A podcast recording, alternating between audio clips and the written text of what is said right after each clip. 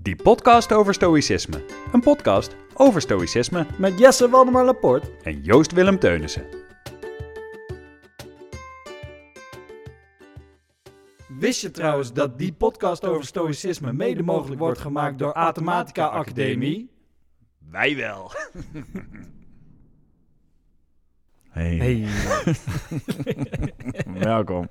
goedendag. Ik wilde beginnen met een mop. Dat wilde jij. je, je hebt er ook heel veel zin in. Ja, deze mop heeft niks met de aflevering te maken. Maar misschien komt hij nog wel terug, wie weet. Wie weet is het aan het Precies. einde is het opeens rond. Je zegt net tegen mij, Joost, zet hem maar aan, want we gaan beginnen met hem op. Ja, Joost, waarom is de kale man verdrietig? Nou, Hij mist haar. Snap je? Heeft iets poëtisch en iets plats. Hij, hij mist haar? Hij mist haar. Ja. Oké, we gaan niet zo starten. Jawel, jawel, Nee, jawel, nee, nee, jawel, jawel, jawel, dat is, is heel very honest. Mensen mogen ons ook om onze niet-filosofische kwaliteit. Oh, ik heb echt zin in die filosofische podcast weer. Eens even kijken Goed, wat voor hey, een wijsheden eh, ze nou mee komen. Dit vandaag. is, dit is clickbait. Nu denken mensen, nou, dit kan alleen nog maar beter worden.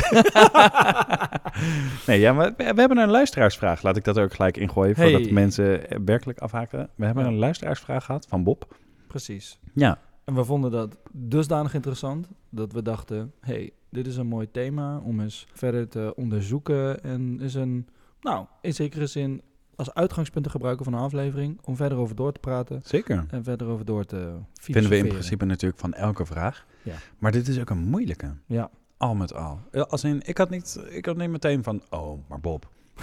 luister eens. Ja, Marcus zei dus een keertje dit. Marcus Aurelius, boek 1, hoofdstuk 3. eh er staat gewoon... eh, Hij hè, zei dit. Steek je wierook in de fik. Doe het zo en zo. Nee. Joost, wat was de vraag van Bob? Nou, de vraag van Bob was eigenlijk meer een soort verzoek. Hij was namelijk erg nieuwsgierig naar hoe we de deugd rechtvaardigheid zouden beschrijven en dan vooral wat concreter zouden invullen. Hoe het er in de praktijk uitziet. En dan met name, wat is eerlijk en sociaal en juist? En wanneer of hoe weet je wanneer je rechtvaardig handelt? Ja, en wat ik daar een beetje uithaalde was... eh, een soort- ja, goede vraag. Wanneer ben je een goed mens? Ja. Zeg maar. En, en we hebben het eerder over gehad dat goed en slecht niet werkelijk bestaan. Dus eh, aflevering drie of zo al. We Nee, hadden het er acht vrij, acht hoor ik Ja. net. Eh, we hadden het er vrij snel over in ieder geval. Dat, dat we zeiden van joh, goed en slecht bestaat eigenlijk niet Nee. echt. Omdat het altijd in context en in relatie en individu Precies. tot iets anders is. Nou, Ja. Maar nog even terug. Hij wilde graag dat we zouden ingaan op de deugd rechtvaardigheid. Ja. Dus daarover gesproken, dan moet je dus misschien wel als luisteraar ook even een klein beetje informatie hebben dat de Stoïcijnen vier deugden hebben. Die ze, Ja. die ze, die ze, ja, hoe zeg je dat? Ja, die ze centraal stellen Ja, in de denkwijze. ja, Ja, ja. En, en dat hebben we wel al eerder in een van de eerste afleveringen behandeld. Dat hebben we later maar eigenlijk een beetje daar gelaten. Maar het is denk ik een goed moment om weer even terug te grijpen op en eh, de luisteraars op deze manier daar mooi aan te kunnen meenemen. Want rechtvaardigheid is inderdaad een van die vier. Ja. Naast rechtvaardigheid hebben we nog moed, wijsheid. Ja, en dan die moeilijk vertaalbare. Ja, gematigdheid. Ja, gematigdheid. En in het Engels noemen ze dat Eh, temperance. temperance. We hebben dat eerder ook geprobeerd toe te lichten. Dat is een beetje waarom het begrip stoïcisme, denk ik, eh, verkeerd wordt geïnterpreteerd. Omdat Ja. gematigdheid dus inderdaad... zij zeggen bijvoorbeeld over die waarde, over die, over die, nou ja, die, die eigenschap, zeg maar, van gematigdheid... zeggen ze onder meer, als je iets goeds overkomt, wees dan niet super blij. Ja. En als je iets kuts overkomt, wees dan niet super boos. Ja. Wees gewoon eh, ontvankelijk voor wat er gebeurt. Zoiets zeggen ze Ja, dan. en, dat, en dat maakt dat mensen denken dat stoïcijnen geen emotie hebben. En dat is niet wat ze zeggen. Ze zeggen gewoon, eh, word niet uitzinnig als je opeens een keer iets goeds overkomt. Ja. Ik bedoel, het, eh, Laat het niet aan de haal gaan met jou. Ja, precies. En gematigdheid is inderdaad, en- of temperance dan, is Ja. inderdaad een soort, bijna relativering is het ook, of zo. Ja. En, ja, precies. en die vinden we dus moeilijk te vertalen. We komen hem op meerdere manieren tegen. Ook als je op synoniemen.net zoekt Ja. naar gematigdheid. Ja, dan kom je een aantal woorden tegen die het allemaal net niet zijn. Afijn, laten we dit helemaal opzij zetten. Rechtvaardigheid is in ieder geval een van die waarden, van die Ja. deugden... die de Stoïcijnen centraal stellen. Ja. En Bob heeft ons gevraagd van... joh, hoe werkt het nou eigenlijk? Hoe ben je rechtvaardig? Wanneer, wanneer ben je nou een goed mens? Ja, Al precies. met al. Ja. Ja. En dat is gewoon een hele goede en natuurlijk ook een hele moeilijke vraag. Kijk, bij de Stoïcijnen, we hebben het eerder wel eens gehad over welke eh, filosofie, zeg maar, eh, Stoïcisme ondervalt. En het is een sterk ethische filosofie. En een praktische. Ja, precies. Een sterk ethisch-praktische filosofie. En ja, het verhoudt zich daarmee tot een heel sociaal niveau. Mhm. En Marcus Aurelius, antipoëet dat hij is, zei wel... Wat niet goed is voor de bij, is niet goed voor de zwerm. hey, daar zeg je wat. Want Hey. ik heb toevallig die quote, die heb ik hier bij de hand. En er staat, wat niet in het belang van de korf is, is ook niet in het belang van de bij. Marcus Aurelius over pijnzingen, pagina 99. Kijk eens even aan! Ja, dit is, dit is serieus toevallig, dames en heren. Oh, wat En alles ertussen en Die hadden wij allebei in ons hoofd. Ja. Oh, wat Ja. goed. Ja. Ja, nice. Ik had hem meteen bij de hand. Ja, precies. nou ja, en dat omvat eigenlijk het hele sociale karakter van het- stoïcisme. In die zin dat het daarin ethisch een hele sociale filosofie is. En nou ja, dat het daarin altijd probeert je uit te nodigen om te kijken naar wat goed is voor jezelf en daarin voor de mens. En je wordt uitgenodigd een soort nuttig te zijn voor de samenleving. En, Ja. eh, Jouw wordt- belang en gedrag mag niet in de weg staan van, Ja. dat, van de wereld. Want als dat zo zou zijn, dan zou het niet in jouw belang zijn. Want Precies. dan maak je de korf kapot. Precies, het- ja, ja. ja. En, dat, en dat houdt dan bijvoorbeeld in in gedrag dat we proberen zoveel mogelijk eerlijk te zijn tegenover onszelf en tegenover Mhm. de ander. Dat we integer handelen naar onszelf en naar de ander. Het gaat ook vaak over ruzie in de verhalen van de Stoïcijnen. Ze hebben het dan vaak over als iemand je beledigt, dan heeft het helemaal geen zin om terug te beledigen. Als, Ja. als iemand boos op je is, doe het dan niet terug. Want niemand wordt er beet van. En dat is een beetje dat misschien. Dat je een soort. De korf is er niet bij gebaat als jij nu terug ruzie gaat maken, Precies. zeg maar. Ja, ja, Ja, ja. precies, want de korf maakt zichzelf niet kapot. Nee, nee. Dus als iemand dan boos op jou wordt, dan is dat al een barst. Maar als jij gaat vechten met die persoon, dan Ja. is het een gat. Dus doe dat niet. Ja. Ja, Ja, hoewel ik me wel kan voorstellen dat wat ik zelf ervaar is dat het soms oké is als dingen botsen, maar dat er altijd baat bij is bij een soort resolutie aan het eind. Ja, maar we hebben- geeft glans idee. we hebben het natuurlijk eerder gehad over eh, sterven voor je gelijk.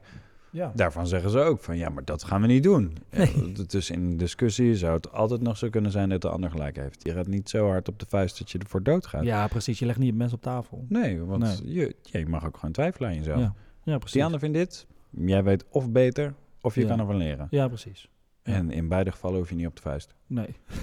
Ja, toch? Ja, ja, nee, ja, Ja. precies. Heel eerlijk, ik vind dat wel lastig. Want soms Tuurlijk. voel ik me geprovoceerd. En dan denk ik, ja, maar hey, wacht eens even. Ja, ik wil ook nog wel heel even vermelden, want eh, we zijn alweer een eindje in de opname. En we begonnen deze podcast een beetje, naast de mop dan, met eh, hoe word je een goed mens? Nou, hier komt een antwoord.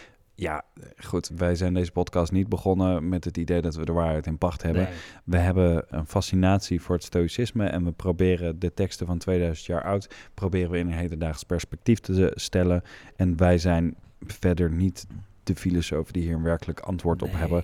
Maar wij proberen wel met de kennis en de boeken die we hebben, proberen we eh, nou ja, hedendaagse problemen aan de kaak te stellen en ook dit soort vragen te beantwoorden. Ja. Maar het is natuurlijk niet zo dat wij nu kunnen stellen, nou Bob, zo ben je een goed Ja, mens. Dit, nee. dit, is- dit is allemaal eh, speculatie. Ja, zin. precies. Dat Ja. is ook zeker zo. Ik denk niet dat Bob dat van ons verwacht. Want hij zei over ons dat hij het leuk vond dat we enerzijds diepgang bieden, maar anderzijds spelenderwijs hardop denken Ja, eh, over dit onderwerp. En, Ja, en dat dat, is precies wat we doen, toch? ja, ja. Een spelenderwijs hardop denken. Dus hou ons niet, niet als maatstaf voor je... Jawel. Voor je Eh, de voor, in de vorige aflevering bespreken we Duvel, een stukje... hou ons als maatstaf. in de vorige aflevering bespreken we een stukje dogmatiek en hoe we daar eigenlijk allebei een beetje wars van zijn. Ja. Wat ik dan dus leuk vind, deze afleveringen worden enigszins voorbereid. We hebben van tevoren hier natuurlijk al discussie over gehad. En jij trok het een beetje naar richting goed en kwaad bestaat niet. Ja. Ook omdat we het daar eerder over hebben gehad. En toen stelde ik aan jou de vraag, want jij begon over Nietzsche. Daar hebben we het natuurlijk ook vaker over gehad. Dat Ja. Nietzsche toch een beetje zoiets stelt als schoffel al je overtuigingen helemaal om. Want dat zijn alleen maar overtuigingen van overtuigingen van overtuigingen van mensen voor jou. En je zei, wat er dan overblijft, is zeg maar jouw overtuiging. Of van daaruit kun je hem stellen of een doel stellen. En op basis daarvan ga je handelen. En dat handelen is goed. Even heel kort het bocht. Ja. En wat ik daar grappig aan vond, of opmerkelijk aan vond, dat zei ik toen ook tegen jou. Toen zei ik dus moreel goed en fout is individueel en niet universeel. Ja. En daarmee zeg je dus eigenlijk dat als goed en fout bestaat, dat het alleen maar door het individu besloten wordt. Dus als we nu op basis daarvan Bob zouden moeten beantwoorden, Ja. dan zouden we zeggen: Bob, dat ligt aan jou. Eigenlijk Als je, wel. als, je, als je maar examineert wat, wat echt zo is voor jou. Ja, Ja, nou ja, en daar gaan mijn gedachten natuurlijk allerlei kanten op. En ik, ik kan niet zeggen of dit waar is of niet. nee. Maar ik vind dat interessant. En ik vond dat onder meer interessant, omdat ik dacht, ja, maar stel nou dat je denkt dat je je overtuigingen werkelijk geëxamineerd hebt. En toen kwam ik met een rechtspoliticus aan. Eh, stel dat je die werkelijk geëxamineerd hebt. En je denkt, ja, maar nu weet ik zeker, daar ligt mijn doel en dit is het pad dat ik daarvoor moet bewandelen. Dan Ja. kun je dus nog steeds een heleboel mensen voor de voeten lopen Ja. en zeggen, ja, maar dan hebben jullie niet goed geëxamineerd, eh, geëxamineerd want jullie hebben hier last van. Ja. En dat is jullie probleem, want mijn doel ligt daar en dit is goed wat ik nu doe. Ja. En even, even los van of deze analogie helemaal klopt, het feit dat goed en slecht individueel zou zijn, is iets. Nou ja, dat vind ik een spannend concept. Mm. Want tuurlijk, goed en slecht bestaat niet. In principe, er is Ja. wat er is en er is wat er niet is. Het Tuurlijk. bestaat alleen maar binnen context en binnen moraal. ja. Maar het feit dat jou, nou ja, daarom noemen ze het misschien ook rechtvaardig. Ja. Maar het feit dat jouw handelen goed zou zijn omdat jij dat zelf geëxamineerd hebt, dat gaat er dus vanuit dat ieder mens in staat is om onderaan de streep te kunnen vaststellen wat goed is. Ja, en toch is dat denk ik een, een soort onderdeel van de menselijke con- conditie, is dat we dat tot in zekere mate kunnen vaststellen. En Mhm. ik denk dat we daarin moeten eerlijk moeten zijn. Hè? Wat Stoïcijnen onderschrijven, is dat we daarin eigenlijk altijd feilbaar zijn. Mhm. Dat we het nooit echt altijd bij het rechte eind kunnen hebben. Ik ga Weet dat woord nog even? We- expres opnieuw zeggen. Hij bedoelt niet vuil als in vuil licht. Ja. Feilbaar, zeg maar. Ja, feil. zo heel lelijk uitgesproken, maar dat je het voor de zekerheid. Ja, ja, precies. Ja. Ja. en dat het feilbaar is. In, in die zin dat we er dus naast kunnen zitten, zoals we in de vorige aflevering zo mooi zeiden. En dat veronderstelt een bepaalde eerlijkheid en integriteit, eh, Mhm. waar, waar mensen dus zelf verantwoordelijk voor zijn om daar een zelfonderzoek naar te doen. Ja. Kijk, als de rechtse politicus in jouw voorbeeld zijn waarde zo onderuit geschoffeld heeft dat er iets van, kan ik me voorstellen, vrijheid overblijft, Mhm. kan dat in de buurt komen van wat zijn kern zou kunnen zijn? Mhm. En zou die vanuit die kern van vrijheid gaan handelen? Mhm. Ik zelf zou benieuwd zijn eh, naar hoe dat eh, dan beargumenteerd wordt door Ja. deze persoon. Ja. En in welke mate dat feilbaar is en of die persoon daarvan zich bewust is. Ja. Wat ik me overigens ook bij linkse politici afvraag. Hoor. ja, tuurlijk, tuurlijk. En bij ieder mens. ja. Ja, maar wat ik daar ook graag op zou willen plakken is, ik heb het denk ik eerder ook al wel eens genoemd, dat ik zelf denk dat ehm, vrijheid alleen maar kan bestaan op het moment dat niet over andermans vrijheid heen gaat. En als jij dit dan noemt, van als er aan het einde een soort van vrijheid kan bestaan, dan zou het in die zin een soort rechtvaardigbaar kunnen zijn. En daar ben ik het op zich mee eens met dit verschil dat als je dan onderweg voorbij gaat aan de vrijheden die die ander nodig heeft om bijvoorbeeld hetzelfde te doen. Want stel je hebt die rechtspoliticus, maar er is nog een rechtse of een linkse, maar het maakt niet uit. Er is nog een politicus met Ja. precies hetzelfde doel of precies hetzelfde soort doel. Dan moet hij precies diezelfde soort ruimte kunnen krijgen, toch? Dat zou dan vrijheid zijn. Dat zou eerlijk zijn. Ja. Ja, en op het moment dat om het ene doel te bereiken voor de ene politicus betekent dat hij over de grenzen van de andere politicus heen moet, kan hij dus zijn doel niet bereiken. Mm, Ergo, het is niet rechtvaardig wat hij doet. Ja. Want hij zegt, om mijn doel te bereiken, moet jouw doel, jouw pad, jouw vrijheid wijken. Ja. En dan denk ik niet dat vrijheid bestaat, ergo het is niet rechtvaardig. Dat, Ja. dat is wat ik dan denk, wat, Ja. wat er nu in me opkomt in Ja, ieder geval. ja, en dus de subjectiviteit ervan. Ja, ja, tuurlijk, absoluut. Maar, maar dat maakt het zo ingewikkeld. Van, hoe ben je dan goed? Ja, En ehm, nou, ik ben dus eh, de boeken ingedoken. Eh, en het, het lastige hieraan is, want ik ga nu even, even een hoofdstuk verder als je het Ja. oké vindt. Eh, het lastige hieraan is, de Stoïcijnen zeggen heel erg vaak, wees een goed mens. En Ja. ze zeggen ook heel vaak: zorg dat je gedrag in lijn is met je natuur. Zorg dat je gedrag in lijn is met God. Zorg dat je goed doet, want wie goed doet, bla bla. Dit is wat ze heel veel zeggen, maar ze zeggen zelden. En op deze manier meet je of het goed is. Ja. En dat, dat is heel ingewikkeld. En om, om even bij de vraag van Bob uit te komen, maar hoe weet je of het rechtvaardig is? Ze zeggen heel vaak, wees rechtvaardig, maar ze zeggen zelden, en zo ben je dat. En dat, nee, dat, dat moet ik hem nageven. Dus ik ben op een aantal punten uitgekomen. En die zou ik even willen voorlezen. En ik merk dat ook als ik onszelf terugluister, voorleesstukjes zijn niet zo boeiend. dus ik ga het proberen redelijk kort te houden. Maar ik heb net een stukje gelezen, dat was een stukje van Seneca, geloof ik, als ik me niet vergis. Ja, was Seneca. En die zegt, eh, joh, eh, aan A bewijs ik een dienst, aan B doe ik iets terug, persoon C schiet ik te hulp, persoon D vind ik zielig en E steun ik financieel, omdat bla bla bla.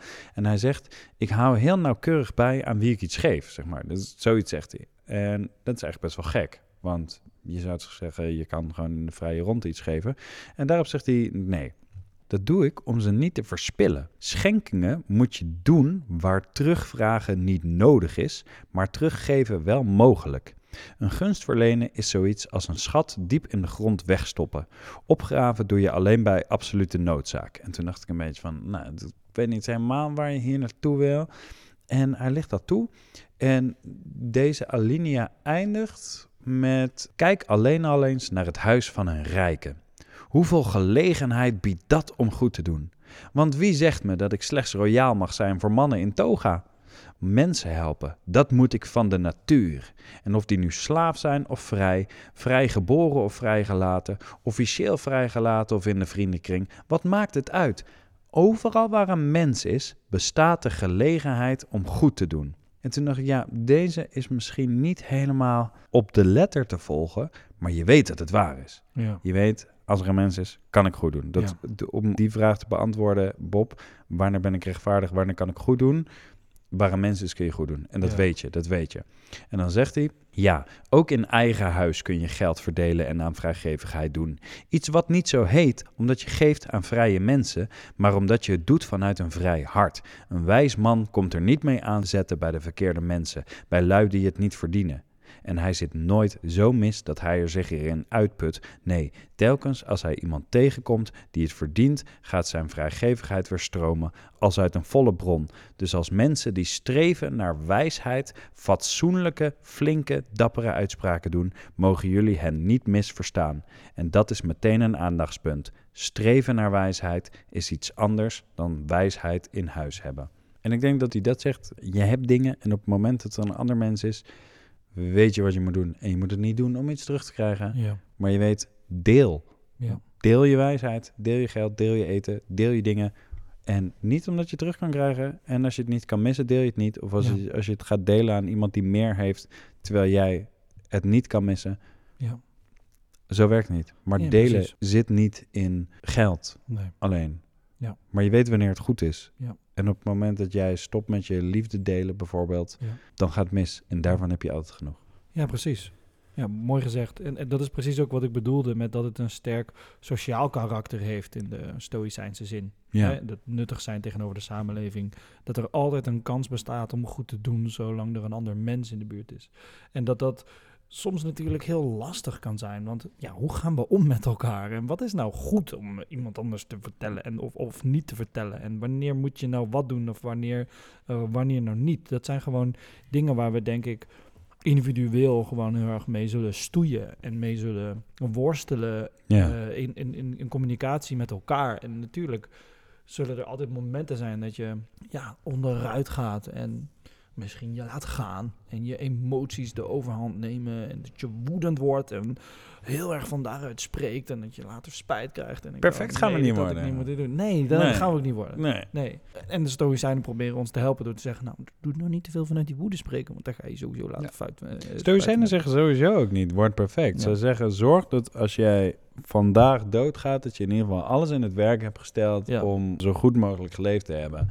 En ze zeggen niet, wees perfect aan het einde. Ze zeggen Ja. gewoon, weet gewoon dat als je, als je nu even achterom kijkt naar vandaag, Ja, dat je denkt, nou, ik heb vandaag wel die ene vrouw niet uitgevoeterd, Ja. die ene collega niet uitgescholden. Eh, Ja. Ik heb een muntje gegeven aan die man Ja. op straat, weet ik veel. ja, ja, ja, precies. En dat betekent dus dat je het niet altijd goed kan doen, Nee. maar dat je altijd je best kan doen om het goed Laten we het even persoonlijk maken. Dat vinden doen. mensen ook leuk. En- nee, Ja, niet, niet, leuk. niet omdat ze dat leuk vinden, maar ook omdat ik denk dat je daardoor... Dan wordt het herkenbaar en dan wordt het voor mij kwetsbaar. Ik ga heel vaak met eh, contant geld, eh, contante muntjes de straat op. Ja. Ik betaal er nooit mee, maar ik heb het nog. Ja. En dan denk ik altijd, ja, maar ik ga op een dag ga ik een dakloze tegenkomen. En dan, eh, of, ja, weet je, die kom je elke dag tegen als je wil. Of in ieder geval iemand die geld nodig heeft. Dat gaat gebeuren. Ja. En ik geef het ook iedere keer uit. En op een gegeven moment, ja, weet je, is het op. En dan vind ik wel weer ergens contant geld. Dat geef ik graag uit. Nou heb ik dus heel af en toe dat ik, eh, dan zie ik iemand zitten die ik niet moet. Die zit dan zo ver weg. Of die kijkt me niet aan. Of weet ik veel. En dan is er wel eens een reden dat ik denk, ja, maar ja. Jou nou, geef ik niks. ja, ja. En ik vond me dan zo kut. Ik denk, Ja. yes, what the fuck? What the fuck is dit? Ja. Want je hebt, wat heb je? Je hebt anderhalve euro in je zak. Ja. En je ziet iemand zitten. Maar hij kijkt niet naar je. Dus ga je het, ga je het dan niet doen? Ja. Of je ziet die ene agressieve junk. Ja, die heeft er heus niet voor gekozen. Die heeft heus niet gedacht toen hij acht was en brandweerman wilde worden om hier naartoe te gaan. Die dacht, Nee. nee, weet je wat ik word? Ik word 40-jarige agressieve junk. Tuurlijk niet. Nee. En dan ga ik met mijn beide handen kop, ga ik 40 euro aan boodschappen doen bij de Albert Heijn en zeggen, ja, maar ja, hij staat me niet zo aan. Ja. Ja, wie de fuck ben ik? En op dat moment weet ik toch wat goed doen is. Goed doen is toch gewoon, dit geld brandt in mijn zak. Ik ga het er niet, hoezo ga ik dat dan niet geven? Wat voor, wat voor een lafbek ben ik? Dat heeft niks, ik ben niet bang Nee. voor die man, dus niks aan de hand. Nee. Maakt me niet uit of hij het aan drugs uit heeft. Kan me echt werkelijk aan mijn reet ja. Hij kan het beter gebruiken dan ik. Dat sowieso. Het brandt in mijn zak. Wat is goed doen op dat moment? Bob, je weet wat goed doen is op dat moment. Goed doen is niet hem geen geld geven, zodat hij het niet aan drugs uitgeeft. Nee. Daarmee red je hem niet. Nee. Dat, dat weet je als je eerlijk naar binnen kijkt. Ja. Dat is niet hem redden. Nee. Dat is gewoon hem geen geld geven. Ja. Ja. Wat, eh, waar, waar je je dan op dat moment toe laat misleiden is... ehm, ik had laatst een eh, podcast van Jay Shetty geluisterd... die het boek geschreven heeft Think Like a Monk... Mhm. eh, waarin hij allerlei monniken had geïnterviewd over nou ja, levenswijsheden. Mhm. En daarin zei hij ook... Ja, de monniken zeggen wat de drie kankers van de geest zijn... is het eh, eh, comparing, complaining en critiquing. Oké.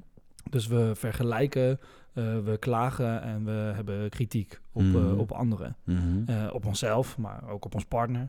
En in, in die zin laat je je daarin door een van die kankers eigenlijk verleiden om dat goed doen dan achterwege te laten. Is wat je zou kunnen zeggen op dat Mhm. moment. Mhm. Ja, het het is voor mij nieuw, dus ik Ja, moet het ja, even nee, laten vallen. Ja. En ik zit ook te denken van, oh, ze komen vast allemaal vanuit hetzelfde voort. Eh, de- en Oh, zover ben ik nog helemaal niet. Maar de, de- dus, eh, ik het gaat het meteen even vertalen. Complaining, dus klagen, Klagen. eh, kritiek, was de Kritiek. tweede. Ja, en vergelijken. En vergelijken. ja. Ja, dus klagen, kritiek en vergelijken. Ik snap inderdaad dat dat Ja. is wat op zo'n moment inderdaad eh, de kop opsteekt. En dat Ja. eh, wat vaak de, de kop opsteekt. En dat dat inderdaad bronnen zijn van eigenlijk ellende en van niet goed doen. ja. Want zoals je zegt, op, op het moment dat ik de ene junk met de ander vergelijk... of als ik kritiek heb op zijn gedrag... of wat was, eh, wat was die ander? Klagen, kritiek of vergelijken. Dan weerhoudt mij dat van goed gedrag. Ja. Terwijl ik weet donders goed wat goed gedrag Ja. is op dat moment. Ja. Het- tuurlijk. Ik Ja. bedoel, het, ik heb dat geld niet nodig op dat Ja. moment. Het is Ja. niet zo dat ik net die Albert Heijn ben uitgelopen... Ja. en mijn komkommer moest terugleggen omdat ik 1,50 tekort kwam. Dat is gewoon niet aan de hand. En dit is een ontzettende luxe positie. En dan ga ik met mijn dikke bek ook nog eens bedenken... Ja, maar ja.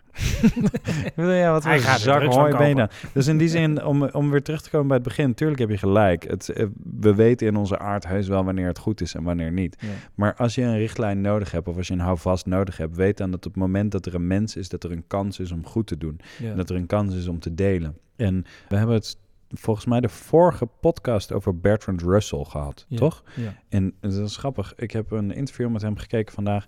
Hij zei, ik wil jullie een intellectuele en een morele les meegeven. Nee, de intellectuele laat ik even achterwege. En hij zei over die morele les, zei hij, hatred is foolish. Love is the way. Zoiets. Dat vond ik gewoon fijn om te zien. Dan zie je zo'n man van inmiddels 98. En hij Mm. zegt, ja, het heeft gewoon echt, echt geen zin. Haat is altijd de verkeerde weg. En Ja. deze man is een van de slimste mensen die we kunnen teruglezen Ja. in de geschiedenisboeken. En tegelijkertijd nog gewoon in bewegend beeld kunnen zien. Dat is echt heel erg cool. Ja. En ik heb daarover nagedacht. Ik heb dit weekend ruzie gehad met een vriend. En Het is heel moeilijk om mee om te gaan en we zien elkaar ook niet nu. En ik dacht, ja, ik weet niet hoe ik het ooit goed ga maken, maar op het moment dat we elkaar spreken, kan ik kiezen voor haat delen of voor liefde delen. Ja, Het heeft geen zin. Het heeft geen zin om haat te delen. ja, Want het zijn twee verliezers. ja. En ik las vandaag ook een quote van een dichter en die zei, die zei zoiets als, eh, weet je, ik haat de liefde, want er blijft zo weinig over. Maar daarom kies ik niet voor haat, Ja, omdat er iets overblijft. Ja. Dat is het ook. ja. Ja. ja mooi.